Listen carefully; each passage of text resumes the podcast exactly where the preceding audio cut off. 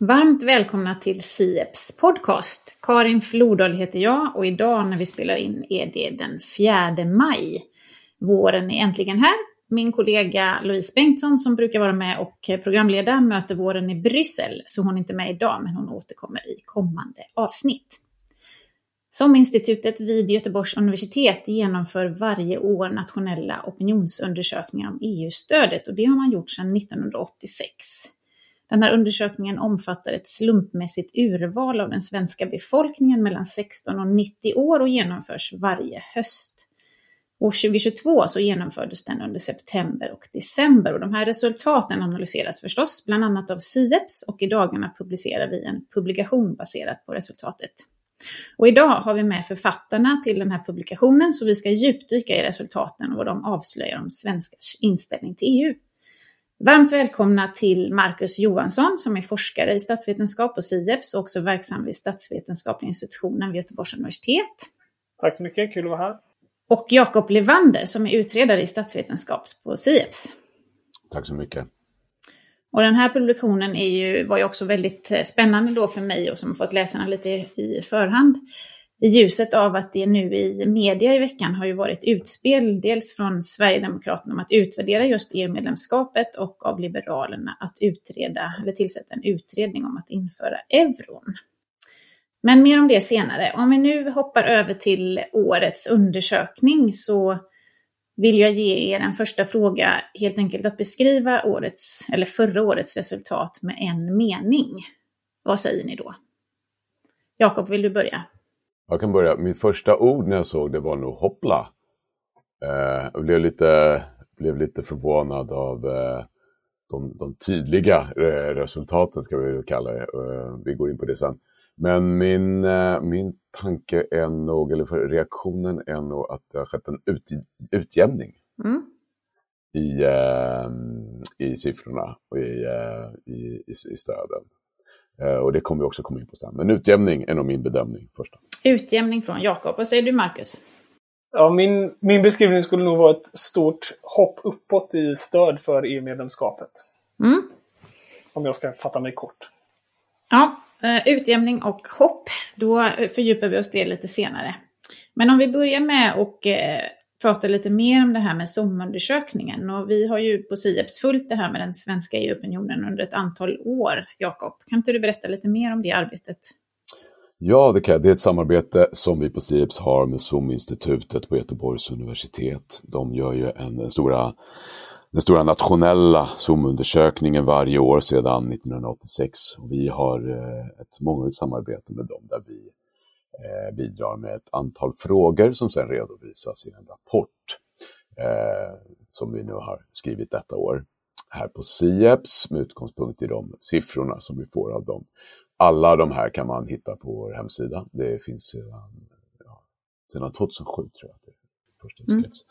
Mm. Um, och uh, i den här så ser vi, det, det som är bra är att vi ser, vi ser siffror som går tillbaka till 1992. Så att det här är, det är spännande sätt att se på hur svenskarna har förhållit sig på olika sätt till medlemskapet men också till olika sakfrågor och Eh, ja, det, ju, mer, ju fler de här rapporterna blir desto, desto, mer, desto rikare blir innehållet. Så det är alltid kul varje år. Mm. Jag har faktiskt fått fullfylla i en sån där en gång. Det var en ganska tjock lunta. Eh, många papper och många frågor. Det hedrar dig att du tog ditt ansvar och, och bättrade på svarsfrekvensen. Eh, Marcus, varför är det viktigt att, att titta på så här med olika opinionsströmningar?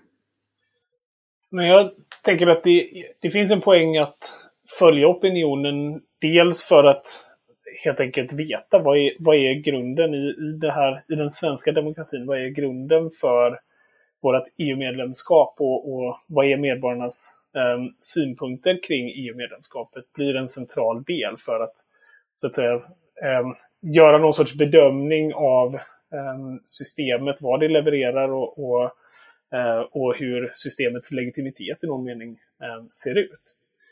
Ehm, och det här är ju också egentligen en sorts ehm, underlag kan man säga för beslutsfattandet. Alltså i demokratin så är det viktigt att det finns någon sorts åsiktsöverensstämmelse mellan medborgarna och de besluten och de beslutsfattare som, som fattar beslut eh, åt oss. Att det finns en överensstämmelse eller responsivitet som man, som man brukar prata om ibland.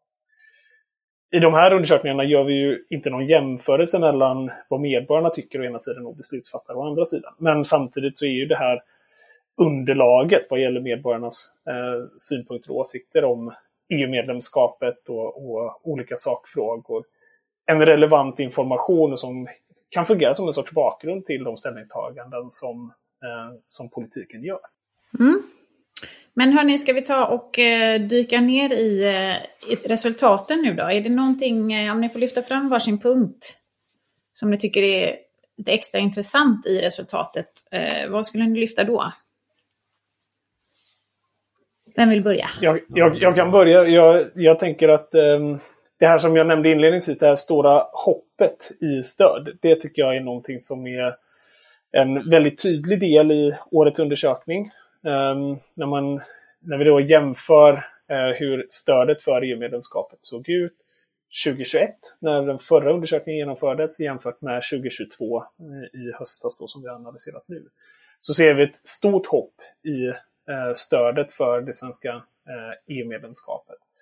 Eh, och det är en förändring från att ehm, 57 procent av de svarande har sagt att de är i huvudsak för det svenska EU-medlemskapet 2021 till att det 2022 rör sig om 68 procent.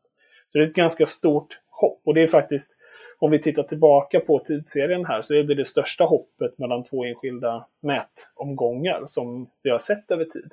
Och det är också det högsta stödet som har uppmätts eh, på den här mm. frågan för EU-medlemskapet eh, under eh, den här tidsserien. Så på det sättet är det här en, en tydlig och en betydelsefull ehm, ehm, siffra eller ett resultat som är, är betydelsefullt i, i den meningen historiskt sett. Mm. Vi tar Jakobs eh, svar också och sen kan vi eh, grotta ner oss lite i varför det ser ut som det gör. Jakob, mm. vad vill du lyfta?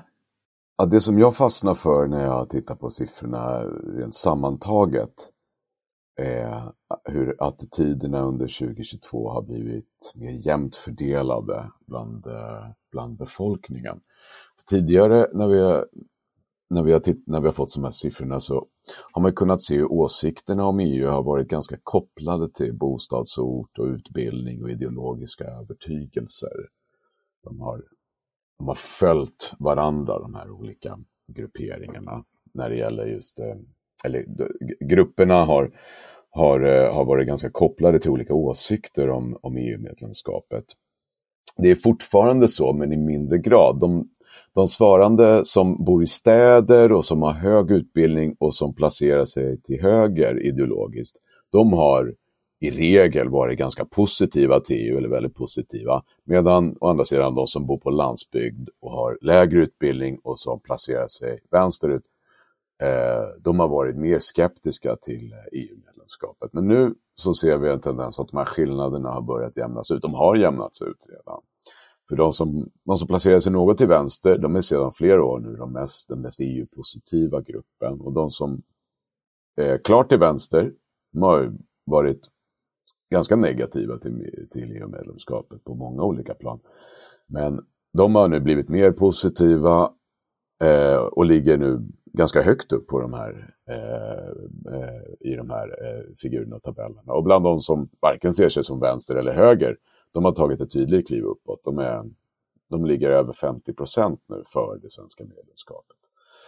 Ehm, och vi ser också liknande utveckling i år när bland eh, väljare som tidigare har varit eh, tydligt negativa till EU-medlemskapet. Här ser vi bland eh, sverigedemokratiska väljare. 2021 var de, bland, bland dessa väljare av det svarande då, så var 23 procent av de här av sverigedemokratiska svarande, de var för medlemskapet och 2022, då är de uppe på 43. Eh, tror jag att det var. Eh, och samma sak ser vi bland de som bor på landsbygden och i mindre tätorter. Där har stödet gått upp också. Nu är man över 60 procent av dem som är för medlemskapet. Så att det har skett en form av eh, en utjämning. Det är inte lika, det är, tyd, det är kopplat fortfarande till de här olika eh, eh samhällsgrupperna om man, om man säger. Men det, de, de har, eh, skillnaderna har blivit mycket mindre än tidigare. Så det tycker jag är en intressant utveckling. Mm. Jag tycker man kan lägga till där också um, att det under lång tid, då, om vi tittar tillbaka till de tidiga åren för EU-medlemskapet och, och, till och med innan dess, så, så fanns det också en tydlig skillnad mellan män och kvinnor vad gäller stödet för, eh, stödet för EU. Och det har vi sett är nästan helt borta de senaste åren. Så där har vi också sett en förändring över tid. Och totalt sett så kan man ju säga att det här indikerar att det här med EU-medlemskapet och hur man ser på det har blivit en mindre polariserad fråga um, över tid när vi tittar på de här olika um, samhällsgrupperna som vi jämför i, i den här analysen. Så att det, det är precis som eh, Jakob är inne på, en sorts utjämning um, som, som sker över tid här på de allra flesta sådana här eh, faktorer. Så, så oavsett var man bor i Sverige och vilket eh, parti man anser sig höra till eller rösta på så, så blir man mer lika i inställningen till eh, sitt stöd till EU. Men kan man, finns det, vad kan förklara att det, att det ser ut så? Ja du, eh, de här siffrorna tenderar ju att vara lite volatila. Eh, mm. Om man tittar på, på tidslinjerna. Um, vi ser, vi ser samtidigt bara som en parentes nu att de som är emot medlemskapet går ner också och de som inte har någon riktig åsikt går också neråt. Det är en väldigt stor, ett stort avstånd mellan de som är emot och de som är för. Så att en, alltså här är det ju, nu är vi på i spekulationsvatten, mm. måste vi ju tillägga här. Eh, några saker som jag brukar tänka på det är att eh, EU-frågan kanske inte är en fråga längre för en större, eh, en större del av befolkningen som har vuxit upp med EU som någonting naturligt som Sverige är del av och det är inte en fråga som delar befolkningen på samma sätt som det kanske gjorde under 90-talet. Det har normaliserats egentligen. Det är en, som jag kanske tänker på som en, en, eh, en långtgående eller kanske en strukturerande Eh, faktor för varför det har blivit mer normaliserat. Men en annan som vi ser kanske för att om vi ska tala om det som har hänt i, i år eller under förra året när, när eh, undersökningen gjordes under hösten 2022 så är det svårt att bortse från Rysslands invasion av Ukraina och vad det har, vad det har, eh, vad det har gjort med med, med, med, olika medlemsstater och hur man förhåller sig till internationella samarbeten och reaktionerna överlag. Att man har samlat sig i det internationella samfundet på flera sätt. Sverige har ja, mm. ansökt om NATO-medlemskap.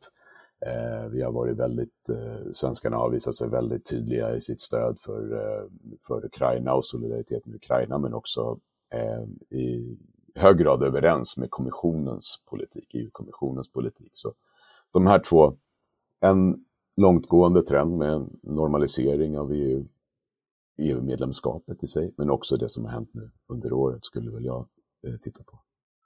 Jag tror man kan lägga till där också den här normaliseringen över tid. Om man också tittar på det utifrån ett partiperspektiv så diskuteras mm. ju EU-frågans eller EU-medlemskapets varande eller icke-varande i mindre utsträckning nu jämfört med när vi tidigare hade fler partier som aktivt Ehm, hade som ehm, position att, eh, att EU-medlemskapet inte var bra.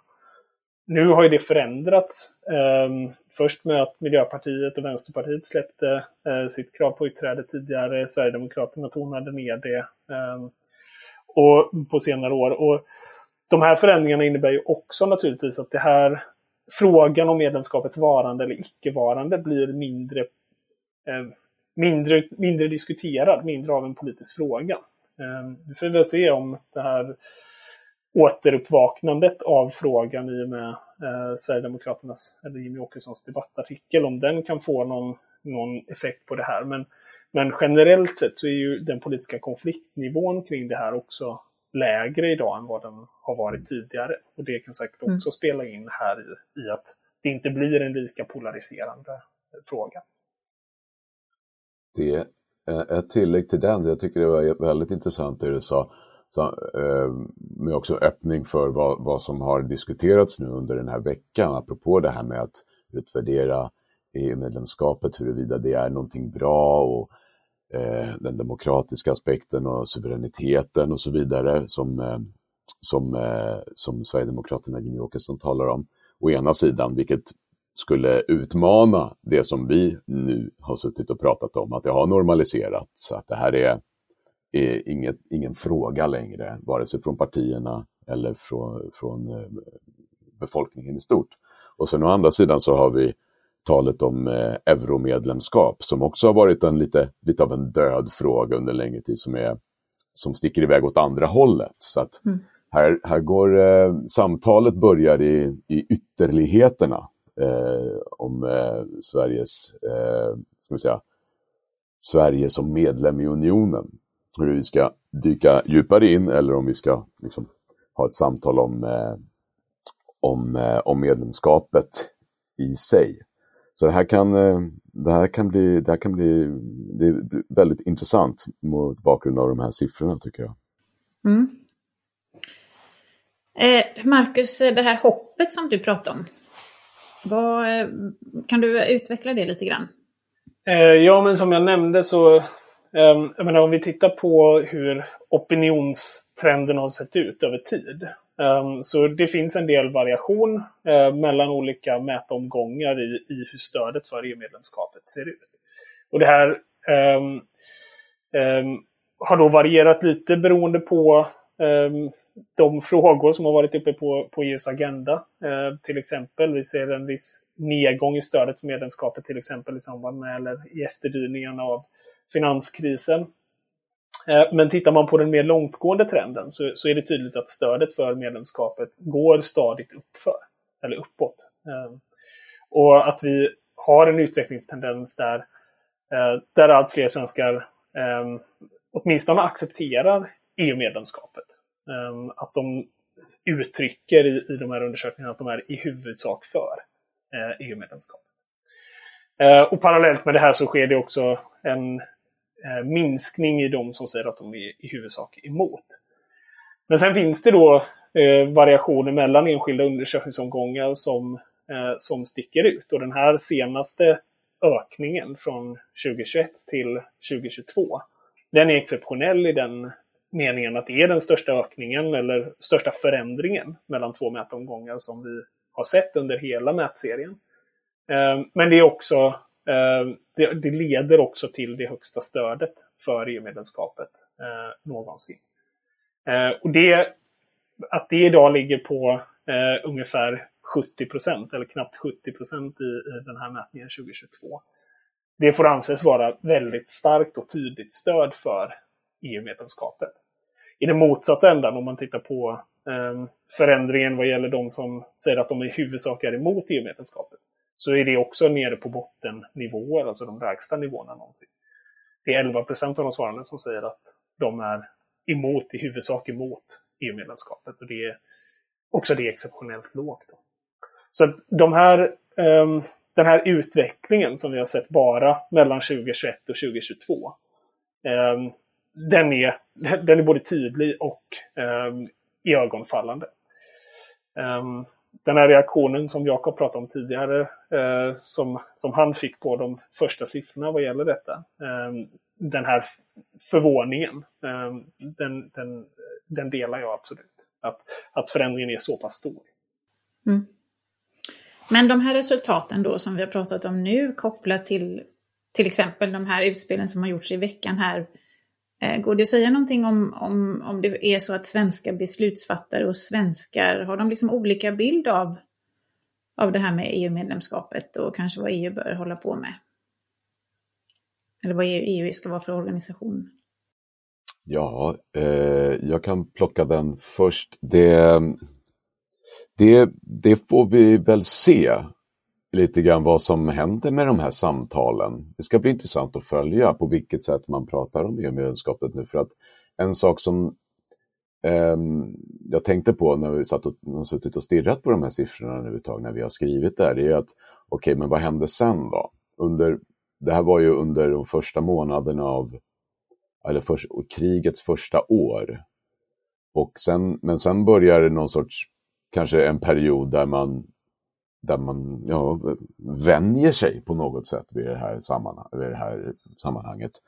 Eh, och samtidigt så kommer det bli krigets effekter på politikområden blir ju också tydliga i och med att Kommissionen ligger kvar med de prioriteringar som finns när det gäller till exempel gröna given. Det får återverkningar på energipolitiken och på hur, vad, man, vad man ska göra inom näringspolitiken, industripolitiken till exempel. Och då börjar det, då börjar det bli lite mera handgripligt. Och eh, det ser vi väl nu också på många sätt när kommissionen kommer fram med tydliga förslag som eh, går i kanske mer integrations, eh, ska vi säga, en tydlig integrationsriktning och hur det, hur det lirar med eh, svenska prioriteringar, det, det, det, får vi se här och då, då kommer ju att, då kommer vi, då kommer, då kommer det här bli lite mera, lite mer konkret på vilket sätt eh, på vilket sätt det här stödet som vi har sett nu bland befolkningen, och vi får väl då se hur det lirar med stödet bland eh, beslutsfattare och politiker också. På vilket sätt vill Sverige vara, vara med och forma det här som nu talas om och, på, och, vilket, eh, och vilken riktning det kommer ta eftersom det får effekter, det får tydliga effekter på, på politiken. Så att eh, det blir lite mer på riktigt då. Mm. Jag tror att man ska koppla det här också för att lägga till lite till det som Jakob säger. Och vi kanske kommer in på det här lite mer. När det också ställs frågor om hur eh, de svarande värderar konsekvenserna av EU-medlemskapet. Så är det också tydligt där att vi har en förändring över tid. Där värderingen av medlemskapets konsekvenser på olika områden blir mer positiv över tid. Ehm, det vill säga, det här kan ju vara någonting som så att säga, driver på huruvida det finns ett, ett grundläggande stöd eller inte. Hur man också värderar vad EU gör eller åstadkommer. Um, och här kan man ju tänka sig att um, lite beroende på vilken riktning EU tar, ehm, vilka frågor som nu behöver hanteras alltså och hur de hanteras, så kan ju det här också få eh, konsekvenser naturligtvis för hur medlemskapet värderas. Och här kan ju olika partier ha olika ingångar i det här. Ehm, så att en del eh, väljare som så att säga, sympatiserar med ehm, vissa av, av riksdagspartierna kanske värderar um, Eh, vad EU gör inom, eh, inom olika områden på ett sätt medan sympatisörer med andra partier värderar det på ett annat sätt. Så det är naturligtvis mycket möjligt att, eller det är mycket troligt att det här också är kopplat till vad, vad det är för politikarbete som sker på eh, e EU-nivå och hur det uppfattas eh, sen när det kommer tillbaka till, eh, till den nationella nivån, till Sverige. Ehm, så det här, kan vi, det här kan vara någonting att helt enkelt följa framöver. Ehm, hur de här rörelserna ser ut. Mm. Men tydligt är ändå att att stora skeenden i omvärlden som kriget i Ukraina och pandemin eller så har viss inverkan på resultaten i de här undersökningarna. Håller ni med om det? Jag, jag tycker nog att om, om vi ska titta på den här stora förändringen mellan 2021 och 2022 så jag har väldigt svårt att tänka mig att den har att göra med någon, att den har att göra med någonting annat eller att den inte är i stor utsträckning driven i alla fall av den ryska invasionen av Ukraina och att det svenska EU-medlemskapet um, därigenom har blivit um, högre värderat eller mer uppskattat.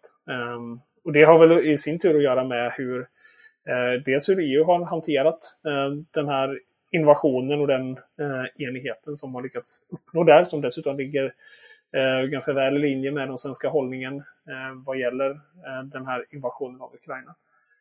Ehm, så att jag har väldigt svårt att, så att säga, frånkoppla det om man tänker på vad är, vad är det stora som hände under förra året eh, som gör att vi, vi kan förvänta oss att se det här. Då, då är det svårt att tänka sig att det inte har med, med invasionen av Ukraina att göra. Och jag tänker apropå när vi pratar om olika politikområden eller, eller skeenden eh, så finns det ju några nya frågor eh, i eh, förra årets undersökning.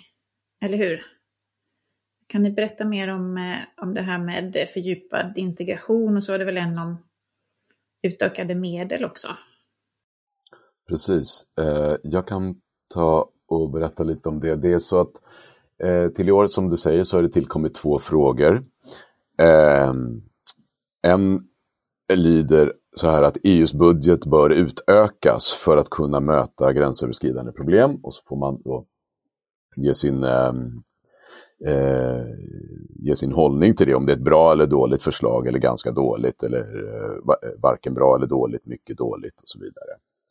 Ehm, och sen eh, nästa är att om EU bör fördjupa den europeiska integrationen för att möta samhällsutmaningar. Så får man tycka att det är ett bra förslag, ganska bra eller och så vidare. Mm. Um, och det här var, det, det, det, är det första observationstillfället som, vi, som, som, som registreras för i år, vilket vi ska komma ihåg. Men det är ganska intressant ändå eh, att vi, vi ser ändå att det är 41 procent som eh, har, eh, som ska vi säga, aviserar att, eh, att, man vill, eh, att man vill stärka integrationen eller fördjupa integrationen för att möta samhällsutmaningar. Jag tror att eh, för ett eller två år sedan så var slutsatsen, jag tror det var för två år sedan, då var egentligen den stora slutsatsen av, eh, av i, i, eh, i rapporten som släpptes att svenskarna är väldigt positiva till EU, ja, men inte mer integration. Vi behöver liksom hit här är allting bra, status quo eh, fungerar, vi är nöjda, men eh, vi ser inte gärna eh, djupare integration. Och det här är 41 procent och vi får se vad det betyder. Det ska bli mm. väldigt spännande att följa de här siffrorna framöver. Um, vad det gäller den andra frågan när det, eh, som handlade om budgeten så ligger den på, jag tror att det var 36 procent och eh, det är också en sån siffra som jag har svårt att förhålla mig till. Det jag vet inte riktigt vad den säger, men den, den är, känns lite högre än vad Sverige brukar eh, förfäkta i mm. EU-sammanhang när det gäller mm. just budgeten. Vi har ju en, vi har en historia av att vara ganska återhållsamma när det gäller EUs budget. Och eh, som sagt, på samma sätt här ska det bli spännande att se. Um, kan det kanske eh, vara så att svenskarna är lite mindre, vi brukar ju prata om att Sverige brukar vara i den, den frugala klubben när det gäller budget, det. att vi är lite sparsamma. Är svenskarna kanske lite mindre frugala? Ja, då får, vi, får man ju så ställa sig frågan vad är det vi vill eh, ha, vad, vad, ska budgeten användas till mer då? Mm. Var är det pengar ska spenderas och så vidare. Och ja, här har vi någonting att, äh, att bygga på. Mm. Just det, för de här kommer vara kvar och full, vara med i årets ja, undersökning också. Och så har det utgått en fråga också, den frågan som, eh, som handlar om att eh, EU bör utvecklas till ett Europas förenta stater. Eh, den har alltid legat eh, trålat väldigt lågt. Eh, och eh, det är en fråga som vi beslutar oss för att stryka eftersom det inte är, det är ingenting som, på det sättet får man egentligen inte reda på någonting, ska vi säga, eller om man ska säga så här, det, det är inte många som talar om EU på det sättet och den, den är inte särskilt informativ. Det är bättre att göra den mer handgriplig med att stärka integration eller göra det mer konkret som i budgeten och så vidare. Um, så därför strök vi den. Mm. Och här kan man väl lägga till då bara att som sagt de här frågorna kommer ju ligga kvar och, och men en styrka med att det här är en undersökning som genomförs varje år det är ju just att det går att göra jämförelser över tid. Ett enskilt mättillfälle är lite svårt att, så att säga, tolka. Eh, men däremot till exempel trender över tid eller hur det här varierar mellan olika grupper till exempel. Där går det att kanske hitta lite mer intressanta eh, resultat så småningom. Eh, men så det där är väl någonting som, som vi kommer behöva återkomma till helt enkelt. Men vad jag också ville lägga till här, och jag tycker att det är lite intressant, det här att det finns en sorts bild av Sverige som EU-medlem, som en sorts motvillig europé.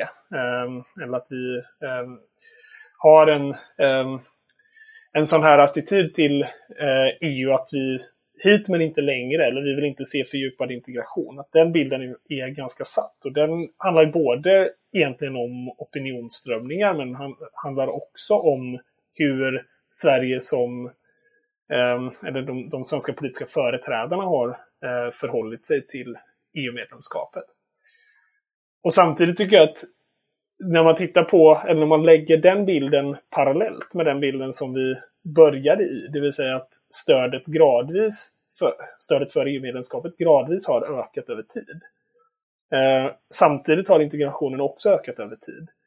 Så blir det, det är lite paradoxalt, den här bilden av, av Sverige som motvillig europé i det ljuset. Alltså vi accepterar mm. eller Eh, blir mer positiva till EU-medlemskapet samtidigt som integrationen eh, har fördjupats. Så att här, det här tycker jag är någonting... Eh, jag, jag, är inte säker på att den där, den där bilden av Sverige som motvillig europé helt enkelt stämmer fullt ut. Eller att vi åtminstone har en sorts eh, eftersläpande acceptans för utfallet eller för integrationen. Eh, om, man, om man tittar på det i det här längre perspektivet. Mm, men det kanske de här frågorna kan hjälpa till att eh, och svara på framöver. Lite grann åtminstone. Hörrni, jag tänkte på det här, vi pratade ju tidigare om de här utspelen här i veckan om eh, från Sverigedemokraterna och Liberalerna. Och då tänkte jag på vad visar den här undersökningen om, om deras väljare? Ja, egentligen så visar den eh, lite olika saker. Eller olika saker, men, men den visar att deras väljare är på väldigt olika sida här. Eh, vad gäller förhållandet till EU-medlemskapet eller hur man ställer sig till EU-medlemskapet. Eh, Liberalernas eh, sympatisörer i den här undersökningen är de som är mest positiva till EU-medlemskapet medan Sverigedemokraterna är de som är, är mest negativa till EU-medlemskapet. Så att på så vis så befinner de sig eh, i, på, tydligt på olika sidor här. Och det, det syntes ju också i, i så att säga, reaktionen från Liberalernas sida på, eh, på den här debattartikeln och, och efterspelet kring den eh, från Sverigedemokraterna. Ambitionen där handlade ju snarare om eh, fördjupad integration, att Sverige eh, bör också gå med i euron och, och så att säga ehm, den vägen kunna ta en ännu tydligare plats i, eh, i EU. Så att, det säger ju någonting om att här finns det, här finns det en, ett stort gap mellan eh, de här två partierna eh, också bland deras sympatisörer. Mm. Hörrni, jag tänkte att vi också skulle, vi har ju den här eh, röda tråden här under våren och det pågående svenska ordförandeskapet i ministerrådet. Eh, så tänkte jag att vi ska försöka koppla den här undersökningen till ordförandeskapen. Och man kan ju inte se resultaten, den eventuella resultatet eller påverkan som det nuvarande ordförandeskapet har på i en sån här undersökning. Men går det att säga någonting om hur eh, opinionen har förändrats i samband med tidigare svenska ordförandeskap som ju har varit 2001 och 2009? Vad säger Marcus? ja, eh, jag, jag, jag, kan, jag kan eh, inleda lite. Nej, men det, det syns eh, både vad gäller ordförandeskapet 2001 och 2009 så ser vi att stödet för EU-medlemskapet går upp lite grann. Um, och det följer egentligen en trend som, um, som inletts strax före ordförandeskapet inleds. Uh, och sen ser vi att de efterföljande åren så, så finns det en viss stegring i stödet för EU-medlemskapet fortsatt. Uh, men sen i båda fallen uh, så sker det sen en, Eh, en sänkning igen av stödet för EU-medlemskapet. Ehm, vad gäller ordförandeskapet 2001 så skedde den eh, förändringen mellan 2000, mätningen 2003 och 2004. Där ser vi att det går ner lite grann. Ehm, och när det gäller ordförandeskapet 2009 så ser vi att den förändringen sker mellan 2010 och 2011. Så att, eh, något år efter ordförandeskapet helt enkelt så, så ser vi att stödet eh, har eh, gått ner igen den här förändringen eh, efter ordförandeskapet 2009, den kanske man behöver koppla till eh, finans och eurokrisen som då, då spelade upp sig och, och, som hade en negativ inverkan på bilden av EU generellt sett. Eh, men samtidigt då som jag var inne på tidigare, så om man tittar på den långsiktiga trenden så är det här ganska tillfälliga nedgångar. Ehm, det sker en nedgång men sen så börjar stödet krypa uppåt eh, långsamt igen åren efter. Och tittar vi som sagt på den långa bilden så, så är det tydligt att stödet, eh, stödet ökar över tid. Eh, så att, viss uppgång följt av viss nedgång, men sen så mm. har det gått uppåt eh, igen. Och som sagt, det här är också någonting som vi kan återkomma till när nästa års, eh, eller detta årets eh, SOM-undersökning genomförs till hösten. Och vi analyserar mm. de siffrorna nästa vår. Mm. Mm. Det blir spännande. Hörni, det görs ju också sådana här opinionsmätningar i övriga eh, EU, den så kallade Eurobarometern. Och hur, eh, hur eh, skiljer vi ut oss, vi svenskar, från invånare i andra, de övriga medlemsstaterna?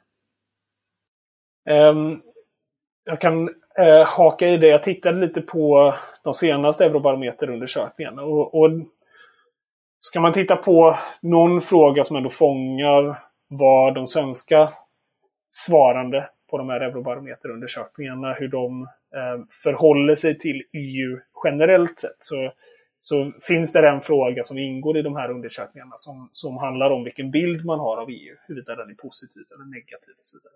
Så kan man jämföra det eh, svarande då från olika medlemsstater. Ehm, och även där så kan vi se att ehm, de svenska svarande Eh, har en mer positiv bild av EU eh, nu jämfört med eh, några år tillbaka. Och under det senaste året särskilt så ser vi att det, det har skett en, en uppgång och att svenskarna har blivit mer positiva. Och mer, den ökningen är större för, för svenskarna än vad den är för de flesta andra medlemsstaters medborgare. Och jämför man lite med, med de andra medlemsstaterna på den här frågan så, så ser man att de svenska svarande är bland de mest positiva till EU eh, just nu. Eh, de ligger på en, eller Sverige ehm, eh, ligger strax eh, under eh, Irland och Portugal i att ha mest positiv bild av EU. Tillsammans med några andra medlemsstater, Danmark till exempel. Men så att den här bilden som som vi får av analysen av SOM-undersökningen, den bekräftas också till viss del av de här, ehm, de här förändringarna som, som har skett eh, också i, i Eurobarometerundersökningarna. Och som sagt, den här jämförelsen med andra länder visar ju också på att Sverige och svenskarna har en, en, eh, en positiv bild av EU helt enkelt. Så det finns alltså den här bilden av att vi skulle vara motvilliga europeer. Eh, den kan man ju den kanske inte stämmer riktigt, men det är också så att det finns, eh, det är inte så att alla övriga är helt eniga om eh, det motsatta. Nej, precis. Och jag tänker att den här bilden av Sverige som motvilja, den måste ju också, den måste också sättas i jämförelse med någonting, så att säga.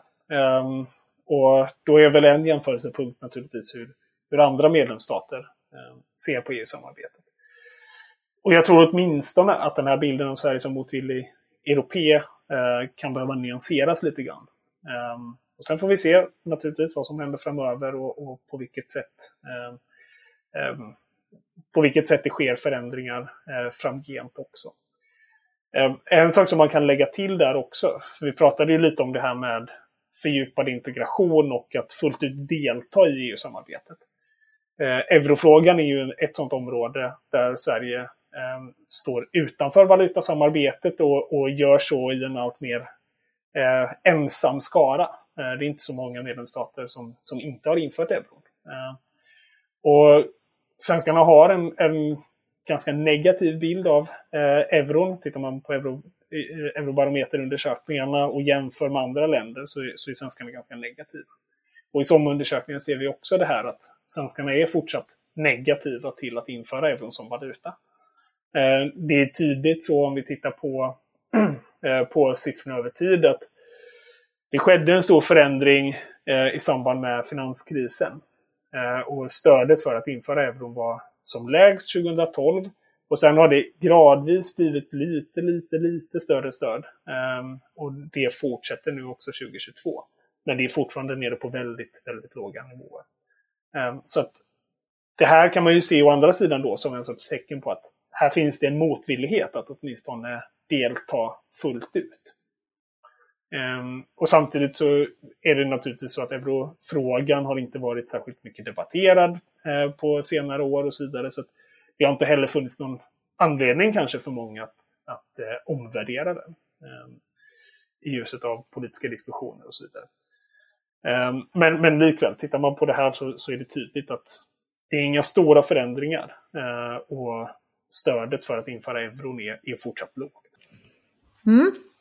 Tack, så om man sammanfattar det här lite grann så kan man säga att svenskarnas inställning till EU har under de senare åren stabiliserats på en hög nivå.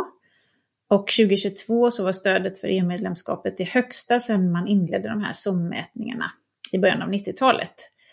Och stödet för medlemskapet och den generella inställningen till unionen har jämnats ut både på det ideologiska och partipolitiska spektrumet.